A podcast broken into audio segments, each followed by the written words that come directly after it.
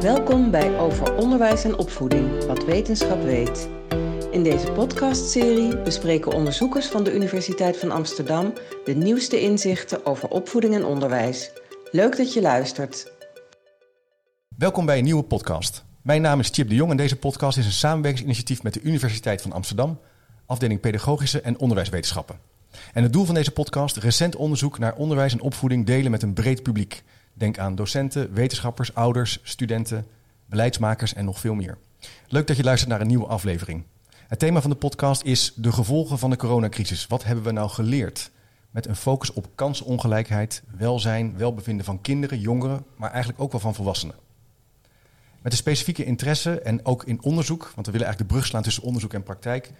Als het gaat over het effect op welzijn van leerlingen in het PO en kansongelijkheid, effect op social distancing. Je bent minder in contact met elkaar. In de coronatijd gelukkig is dat nu alweer anders aan het worden. Maar wat voor effect heeft het nou op jongeren en volwassenen?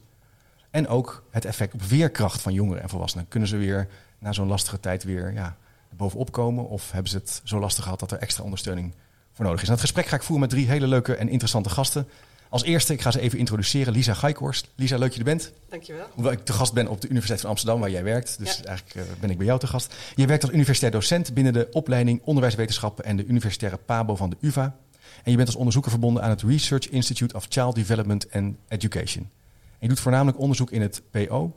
En centrale thema's waar je op richt zijn uh, de voorbereiding en ondersteuning van beginnende leraren met betrekking tot het lesgeven in een grootstedelijke context, kansenongelijkheid, samenwerksverbanden tussen scholen en kennisinstituten. En je bent ook projectleider van de werkplaats Gelijke Onderwijskansen. Ja, klopt. Zijn er, dus dat is een beetje zo de, de, het beginintroductie. En ik zal een aantal linkjes even plaatsen van jullie, want uh, er zijn ook een paar mooie websites waar daar meer over te vinden is. Nou, tweede gast Femke. Femke, leuk dat je er bent. Hi, dank Femke je. Scheffers, ja, orthopedagoog en gedragsdeskundige bij MEE. En je voert psychodiagnostisch onderzoek uit waarbij sprake is van een vermoeden van een verstandelijke beperking. En dat doe je om hen ook zo goed door te verwijzen naar passende ondersteuning. Maar dat doe je niet alleen, want na je werk, naast je werk in de praktijk ben je ook promovenda aan de Universiteit van Amsterdam. En doe je promotieonderzoek wat gericht is op de veerkracht van volwassenen met een verstandelijke beperking. Ja, klopt. Nou, dat is een interessant uh, onderzoek lijkt mij, heel relevant in deze tijd. En als laatste Levi van Dam, naast mij. Hoi Levi. Hoi. Leuk dat je er bent. Uh, gepromoveerd op natuurlijk mentorschap in de jeugdhulp. Werkzaam bij de Universiteit van Amsterdam, forensische orthopedagogiek. Als docent, onderzoeker en daarnaast ben je ook actief in de jeugdhulp door nieuwe initiatieven te ondernemen zoals JIM, jouw ingebrachte mentor, en Garage 2020. Innovatienetwerk voor jeugdvraagstukken. En het laatste doe je vanaf Level. Vanuit Level, uh, specialisten voor jeugd en gezin. Ja, hele mond vol. Interessant, uh, zo wat je allemaal doet. Dus dat zijn niet alleen maar, het is niet één ding, maar verschillende dingen. Ja, ja. Uh, ben je echt een, een wetenschapper? Ja, ben je getrouwd met de wetenschap, zoals dat dan heet? Je grote liefde daarvoor? Ik heb er zeker een liefde voor. Uh, maar ik vind wel het belang van wetenschap voor de praktijk. Dat is voor mij wel het belangrijkste. Dus ik ben niet zeg maar het type fundamenteel wetenschapper wat alleen maar op de universiteit zit en uh, nooit zeg maar in de praktijk komt. Ik vind juist die brug slaan, dat vind ik heel leuk. Ja. Ja. Het moet wel om de praktijk gaan. Dus ik moet wel altijd denken aan, ja, klein uitstapje. Mijn vader heeft hier in uh, Amsterdam onderzoek gedaan in de natuurkunde. En die heeft gewoon zes jaar in een kelder gezeten. Ja, zonder ja, licht. En dat vond hij fantastisch. Maar dat was dus heel naar lasertjes, weet je. Maar jij wil echt dus wel even zien wat er gebeurt in de ja, praktijk. Ja, ik, ik, zie zeker de waarde ook van die type wetenschap. Dus dat is niet, maar voor mezelf merk ik van, ja, ik wil gewoon op een feestje kunnen uitleggen wat ik doe. Ja. Uh, op een begrijpelijke manier. En nou ja, dat, dat vind ik belangrijk. Ja, mooi, mooi. Oké. Okay.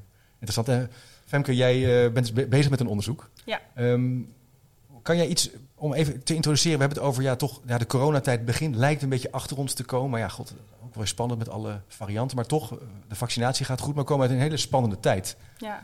Hoe, hoe heb je dat zo ervaren als onderzoeker? Als onderzoeker, ja. Was het een soort mega interessante tijd of, of maakte je ook zorgen? Nou, het was heel uh, apart, want tijdens de eerste lockdown wisten we ook nog heel weinig. En dat was heel onzeker wat je zegt, voor zowel cliënten die ik zie als, als voor mezelf. Ja. En er ontstond een soort leegte. En daarmee ontstond er ook wel een soort ruimte. Uh, ik, ik, ik, had dat nog niet eerder gehad, dat het ineens zo rustig was dat je geen volle agenda hebt. en dat het een stuk minder uh, druk is. En uh, voor mijn als onderzoeker baalde ik, want ook mijn planning liep anders. Ik, kon, ik wist niet meer hoe ik mensen ging benaderen. Dat wilde ik graag op een veilige manier doen. Maar tegelijkertijd dachten we ook van, god, dit is ook wel iets heel unieks. Want er gebeurt iets, iets ingrijpends Ja. met iedereen op de wereld.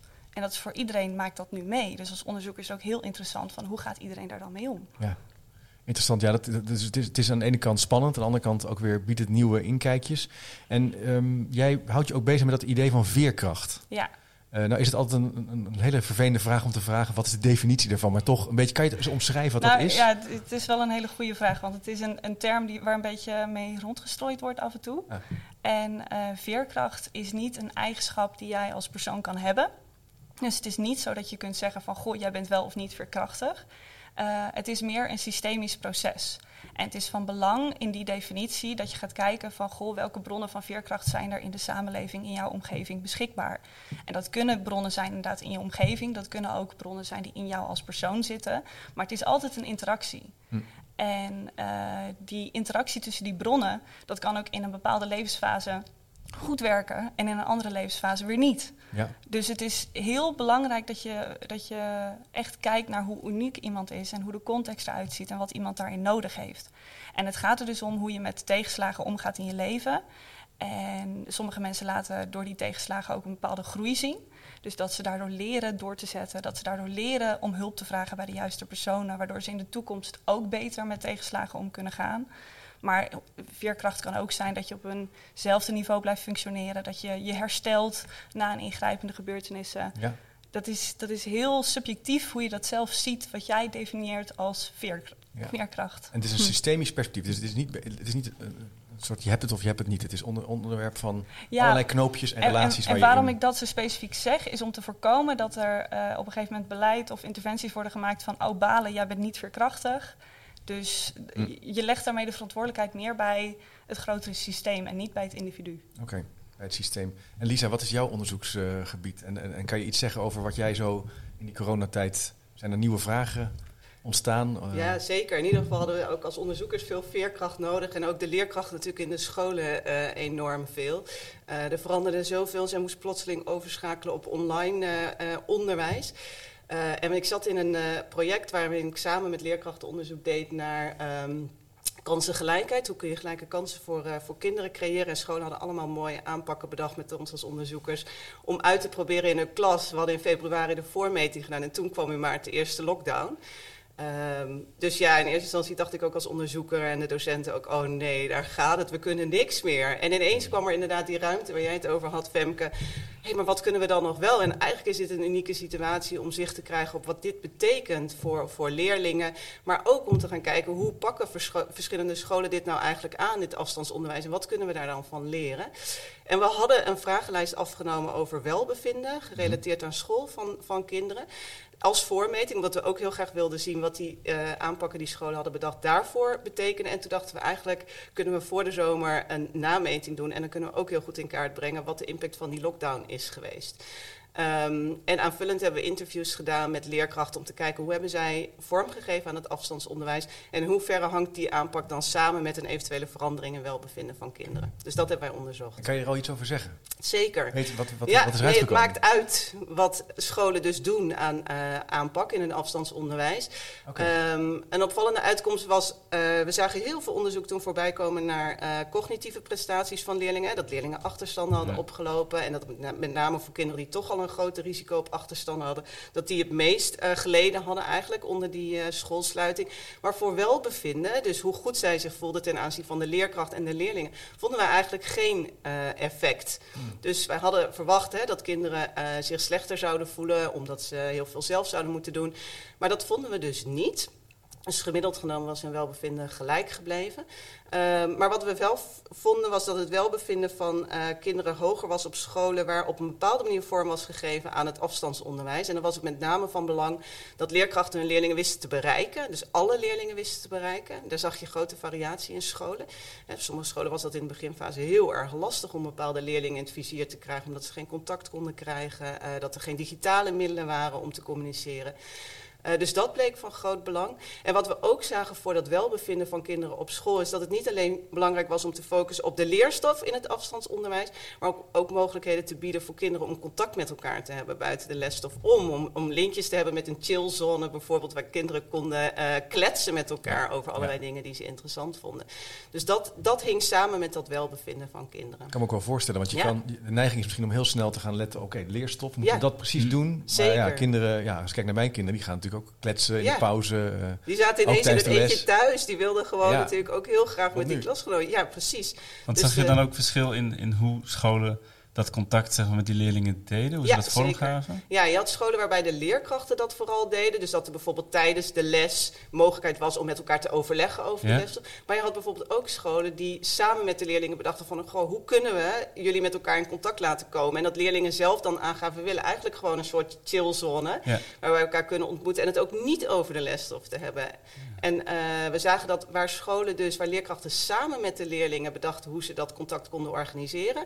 En ook dat dat contact eh, niet alleen over de lesstof hoefde te gaan, dat was het meest Ja? van invloed op het welbevinden. Ja. Dus kinderen mogen meedenken ja, over, dat was een hele over belangrijke. het proces. Ja, Deze, dat- in plaats van dat je Ja, gezegd krijgt wat je Ja, moet doen. dat, er werd op een gegeven moment ook wel heel erg de oproep gedaan van hè, een stuk agency, Ja, van een stuk regie kunnen Ja. varen. Nou, dat, dat, spreekt dan wel weer heel erg uit. terug. Oh, mooi. Zeker, ja.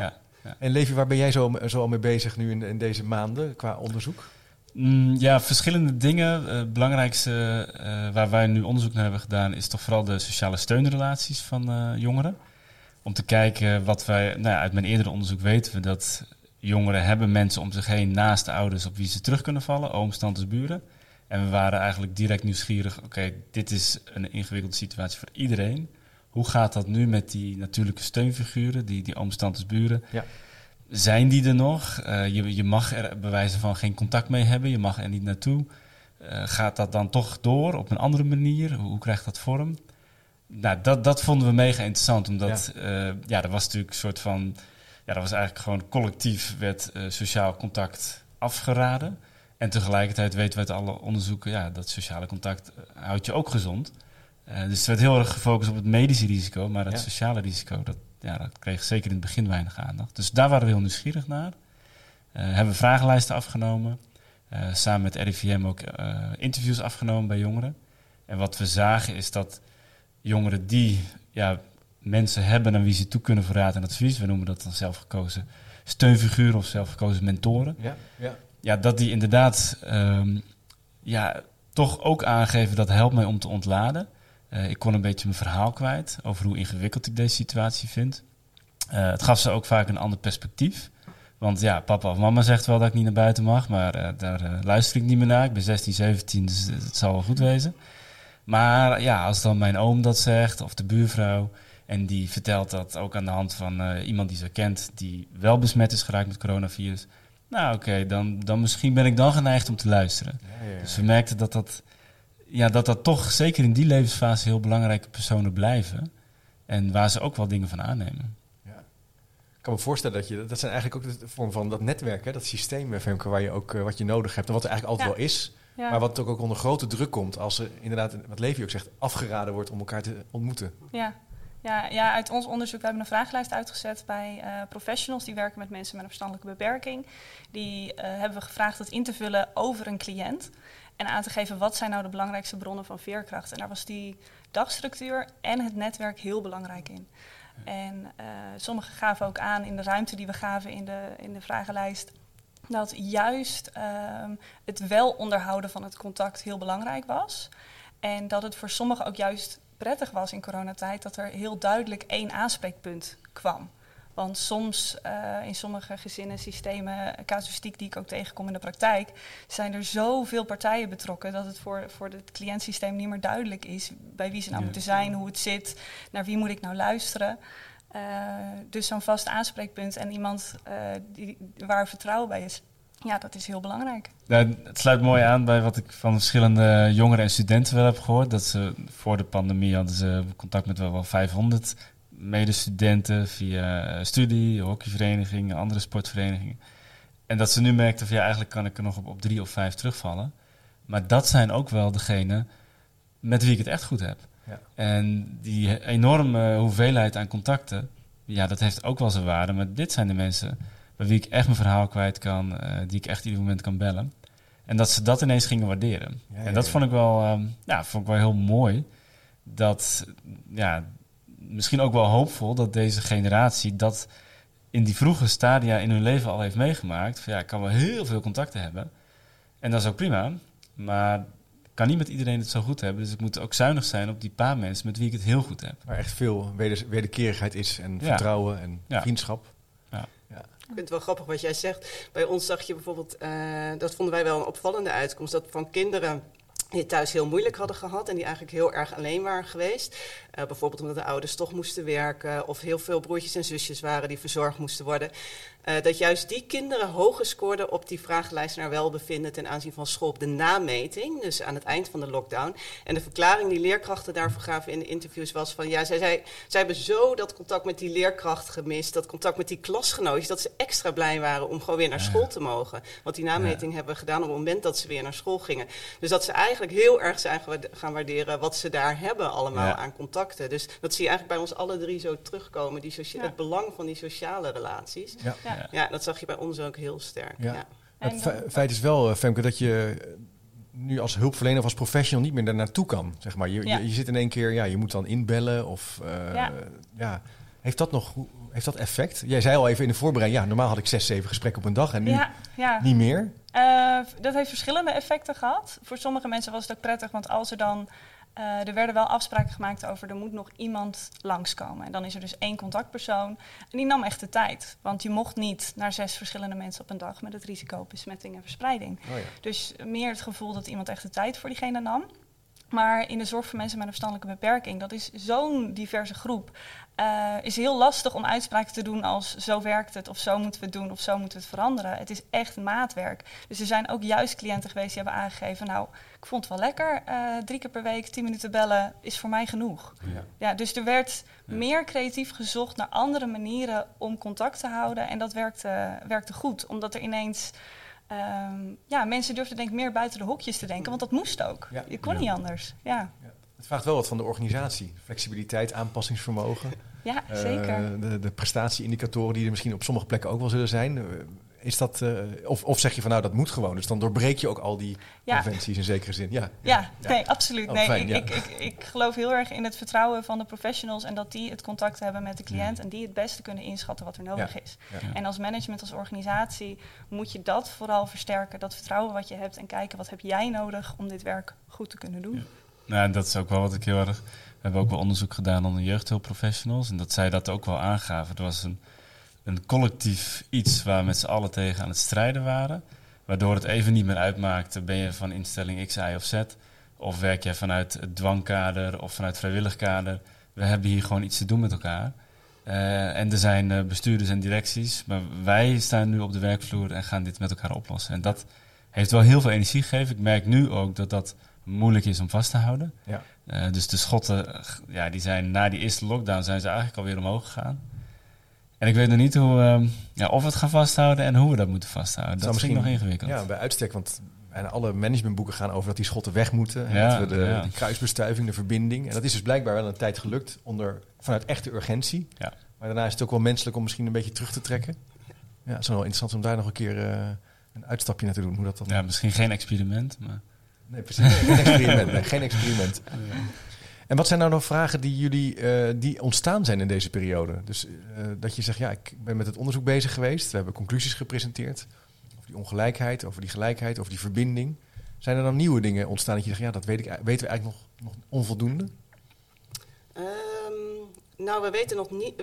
Er zijn, eh, nu zijn er scholen die gaan aan de slag met die NPO-gelden van het Nationaal Programma Onderwijs. Ja. Eh, dat zij allemaal aanpakken mogen gaan inzetten om, eh, nou ja, die passen bij hun specifieke situatie op school om, om de ja, tekorten die ze hebben opgelopen door die coronaperiode, om die nou ja, op te lossen. En ik ben wel heel benieuwd waar ze dan mee bezig gaan en wat dat dan uiteindelijk de opbrengsten zullen zijn. Uh, wat ik in ieder geval vanuit ons onderzoek zie je natuurlijk heel erg in wat je hier hoort, het belang van die sociale aspecten ook. Dus niet alleen richten op achterstand op cognitief gebied, maar juist ook voor die sociale aspecten veel aandacht hebben. En ik zag ze ook terugkomen in, uh, hè, er, is, er is een overzicht gemaakt van interventies die je zou kunnen inzetten. En dat is niet alleen op cognitief vlak gericht. Dus dat Nee. vind ik heel mooi. En ik zou heel erg benieuwd zijn ja, wat dat dan betekent voor scholen om daarmee aan de slag te gaan en wat het ze uiteindelijk brengt, ook Ja. de kinderen. Ja. Ja. En ook in relatie tot die kansengelijkheid. Ja, en voor ons eigen onderzoek zijn we gewoon heel erg benieuwd. Eh, uiteindelijk ook natuurlijk naar die aanpakken die we van tevoren hadden be- bedacht. En daar zijn scholen heel snel gelukkig eh, na die lockdown wel mee verder gegaan. En eh, Ja. ja, wat, die, wat die brengen. Ja. Ja. Ja, ik moet denken aan een bestuurder die ik recent interviewde. Die zei, ja, ik, heb, ik, geef, ik ben bestuurder van 30 scholen. Maar dan is er een soort opvatting dat we al die gelden gelijk moeten verdelen. Ja, Maar hij zei, ja, maar ik zie heel veel scholen waar eigenlijk niet zoveel aan de hand is. Waar het heel goed gaat. Ja. Maar een paar waar echt wel dingen... En dan Ja. krijg je ook een soort lastige dynamiek van hoe geef je dat nou vorm. Het is best ook wel ingewikkeld voor, eh, ja voor besturen. Ja, nee, Ja. lijkt me ook een, eh, een ingewikkelde Ja. zaak. Maar dat is wel interessant om te, gaan, om te blijven volgen. Die NPO-gelden, de uitvoering. En ook de in zekere zin de verantwoording. Dus een interessante kruisbestuiving Zeker. tussen organiseren, onderwijskunde, didactiek, pedagogiek. Ja. Ja. Levi, zijn bij jou een eh, nieuwe vragen? Je zegt ja, vanuit jeugdhulp? Of, Nou, de- wel, het sluit heel erg Ja. denken aan wat Femke net zei. Dat, wat wij hebben gezien is dat ehm, eigenlijk, grosso modo zou je kunnen zeggen, de groep van kinderen en jongeren die al jeugdhulp ontving, kun je bijna in tweeën verdelen. De ene groep die heeft er echt eh, meer last van gehad. Eh, en daar zijn de problemen ook verergerd en versterkt. En die hebben dat, dat, dat is echt een negativiteit voor hun geweest. Maar, en dat was, eh, ja, waren we ook collectief over verrast, de andere helft van de groep, die heeft er ook baat bij gehad. Dat er minder hulpverleners waren, of in ieder geval maar één hulpverlener. En dat ze zelf ook ineens voelden van, hé, hey, maar ja, ik kan nou niet meer steunen op dat hulpverleningssysteem, dus ik moet mijn eigen netwerk in gaan schakelen. En er was natuurlijk ook bereidheid vanuit de omgeving om mee te helpen. En die groep, dat vind ik wel een fascinerende groep. Ja. Waarbij we dus, ja, ik, mijn idee is toch dat we die misschien ook te veel naar ons toe halen en te veel jeugdhulp bieden, terwijl ze met minder af zouden kunnen. Maar welke groep is dat dan precies? En wat is dan precies het juiste ja, kantelpunt waarop ze Ja. dat wel kunnen en wanneer niet? En wanneer doe je daar goed aan en niet goed aan? Er zijn ook veel kinderen die, waar wel sprake is geweest van huiselijk geweld, maar we hebben het gewoon niet gezien. Ja, dat, dat vind ik een fascinerend vraagstuk. Ja, ja. Waar we echt nog niet precies van weten wie zijn dat dan wel en wie niet. En, en wanneer doen we er goed aan om daar iets minder bij betrokken te zijn dan dat we nu zijn. Ja. Ja, het dat, eh, bepalen van de groep. Maar in, het is een soort nieuwe, een nieuw, nieuwe groep, nieuw studieobject zou je kunnen zeggen. Van de mensen die dus baat hebben gehad. In zekere zin, ja, het is niet het goede woord. Bij, eh, bij de afgelopen periode. Het is dus eh, niet slechter van zijn geworden. Ja, nou, het ging natuurlijk aan het begin ook over veerkracht. En die juist dat enorme potentieel van veerkracht hebben kunnen aanspreken. Ja. Vanwege de ingewikkelde omstandigheden. Dus we moeten niet dit soort omstandigheden creëren om dat te doen. Maar Nee, er zit nee, dus nee. heel veel potentieel wat we wellicht een beetje opzij duwen. Ja. Omdat we te veel hulp verlenen. Nou, dat, dat, dat vind ik interessant iets waarvan Ja, ik ook niet zo goed weet hoe en wat. Maar Nee. ehm, ja. Frank, Wat denk jij daarover? Hoe zou dat komen? Zou je dat voorzichtig kunnen verklaren? Nou, ik vind het wel interessant, want dat heeft ook te maken waar wij nog nieuwe vragen over hebben gekregen. Is dat, ehm, ja, wat zijn jouw eigen normen als hulpverlener van wat is goed genoeg? Hè? Ja. Dat is een hele belangrijke vraag waar, waar ik zelf in de praktijk ook steeds tegen aanloop. Dat, dat je zelf een idee hebt van wanneer het goed genoeg is. Ja. Maar is dat ook wat goed genoeg is Ja. voor de cliënt? Voor degene waar het eigenlijk om gaat. En wij hebben deze vragenlijst dus afgenomen bij professionals. Die hebben we laten invullen over een cliënt. Maar we hebben aan het einde van, dat, eh, van de publicatie ook echt meegegeven... zie dit als een, eh, eh, een beeld en ga daarover in gesprek met je eigen cliënt. Klopt het beeld wat jij hebt met hoe de cliënt het zelf ziet... en wat de cliënt zelf nodig heeft? Zou het dan kunnen dat ik als professional dus veel te veel ideeën heb over hoe ik jou moet helpen, veel te veel resultaatgebieden heb en dat allemaal meeneem impliciet in mijn interactie. En terwijl jij eigenlijk zegt, ja, misschien is, zou je dat gesprek eens beter moeten gaan, voeren Ja. of scherper hebben op wat je eigen normeringskader is. Nou ja, beter vind ik een lastige, want ik denk dat er ook genoeg professionals zijn die dat, die dat goed doen. Ja, Eh. Maar blijf daar wel van bewust, ga daarover in gesprek, wees, wees je ervan bewust van wat jouw eigen ideeën zijn eh, en ervaringen en wat iemand zelf eigenlijk nodig heeft en benoemt. Eh, ja. Ja. en dat levert hele interessante gesprekken op. ja. is dat, is, het lijkt me ook wel een, een bekwaamheid die je als cliënt, eh, als, als mens moet hebben om daarover te praten. Over je hulpvraag, over, over je interactie met eh, Ja, een professional. Zeker.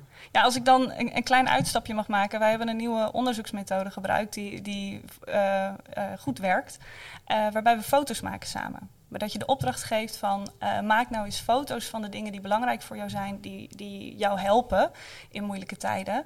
En mensen die minder verbaal zijn, daarbij kan dat helpen om op een andere manier de, de regie te nemen in een gesprek. Door de camera te richten, krijg je een lichamelijke manier van, van Ja. communiceren. Kan je een voorbeeld geven? Wat, wat, wat, heb je toevallig een voorbeeld voor? Wat doen ze dan? Maak, maak een foto van een... Nou, het is heel leuk, want cliënten vinden het heel leuk om te leren hoe werkt het dan met een camera. Sommige cliënten Ja. die zijn super digitaal vaardig en super goed met een telefoon en WhatsApp, dus die gaan dat laten Ga zien. gewoon helemaal los. Ja. En eh, soms heb je dan een gesprek en maakt iemand een aantal foto's, eh, maar er worden dingen uit de kast getrokken die je anders niet zou zien. Ja, ja, ja, precies. Je spreekt thuis af, dus je ziet sowieso de eigen omgeving. Ook mensen die hadden aangegeven van, nou, ik wil je wat laten zien bij mijn ouders. Die wonen vijf minuten verderop.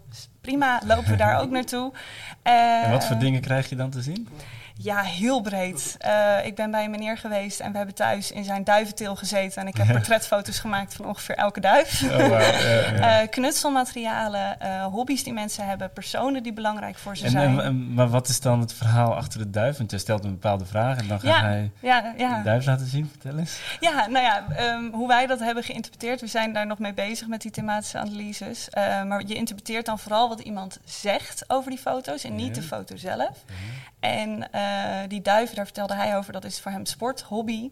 Eh, hij heeft daardoor ook weer contact gekregen met oude vrienden die ook daarmee bezig waren en met eh, anderen. Ja. En eh, hij wa- was er ook heel trots op, dus het zorgde ook voor meer positieve emoties. Ja. Dus er zit een Mooi. waanzinnige interactie, Ja. terwijl ik had geen idee dat hij duiven had. Hadden Nee. we niet Ja, oh, dat wist je ook niet? Nee, hadden we niet in psychodiagnostisch onderzoek gevraagd. Wauw. Dus cool. dat is wel heel tof. Ik kan me Ja. voorstellen dat het gesprek op zich al inderdaad voor hem of haar al helemaal is van moet je kijken, weet je wel. Het is een soort Ja. interventie. Ja, Ja. En je noemt Ja. dat thematisch onderzoek. Even, wat voor thematische analyse. thematische analyse. Ja. ja. En dit is fotovoicing, toch? ja, Dat- ja, guided ja, photo ja. voice. Ja, dus Ja. wel onder begeleiding.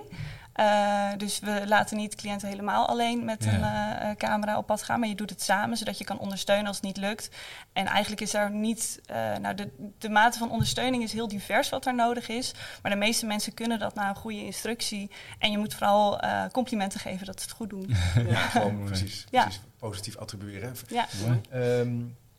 Lisa, doen wij dit in de onderwijswetenschappen genoeg, dit soort methodes? Het gebeurt wel, wel, maar... ik- het doet me gelijk denken aan de Funds of Knowledge theorie. Daar zijn we nu ook heel erg mee bezig binnen onze afdeling om te kijken van hoe kun je nou zicht krijgen op kennis die kinderen buiten school opdoen als docent. En eh, we weten vanuit onderzoek dat docenten eh, makkelijker zicht hebben op kennis van kinderen eh, die een soort gelijke achtergrond hebben als zij zelf hebben. Maar dat dat lastiger is voor kinderen die een andere achtergrond hebben dan de leerkracht.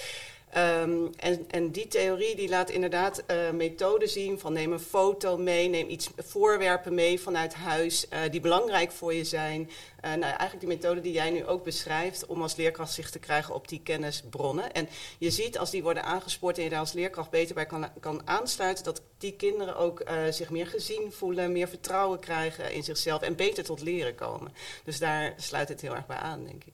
Fantastisch. Ja, Ja, ja en- dat is dus en- een van die aanpakken die wij binnen die werkplaats eh, waar we mee bezig waren, die leerkrachten nu hebben vormgegeven in de klas en waar we de effecten van aan het analyseren. Wat ik zo leuk eraan vind, is dat het ook laat zien hoe eh, ja, leuk wetenschap kan zijn. Hè? Ja, dat je heel echt- praktisch Ja, met mooi. leuke Ja. vormen mooie gesprekken kan voeren, en data kan genereren die, die Ja. ook echt iets zegt. Ja, je wordt er ook heel blij van. Ja, dit zijn mooie als leerkracht en als onderzoeker. Ja. Je Ja. ziet Ja. hele mooie dingen gebeuren. Ja, want jij werkt, jij noemde even die fotoanalyse. Jij werkt ook veel. Ik heb het idee dat jij ook wel expertise hierop hebt, Levi, in dit soort methodieken.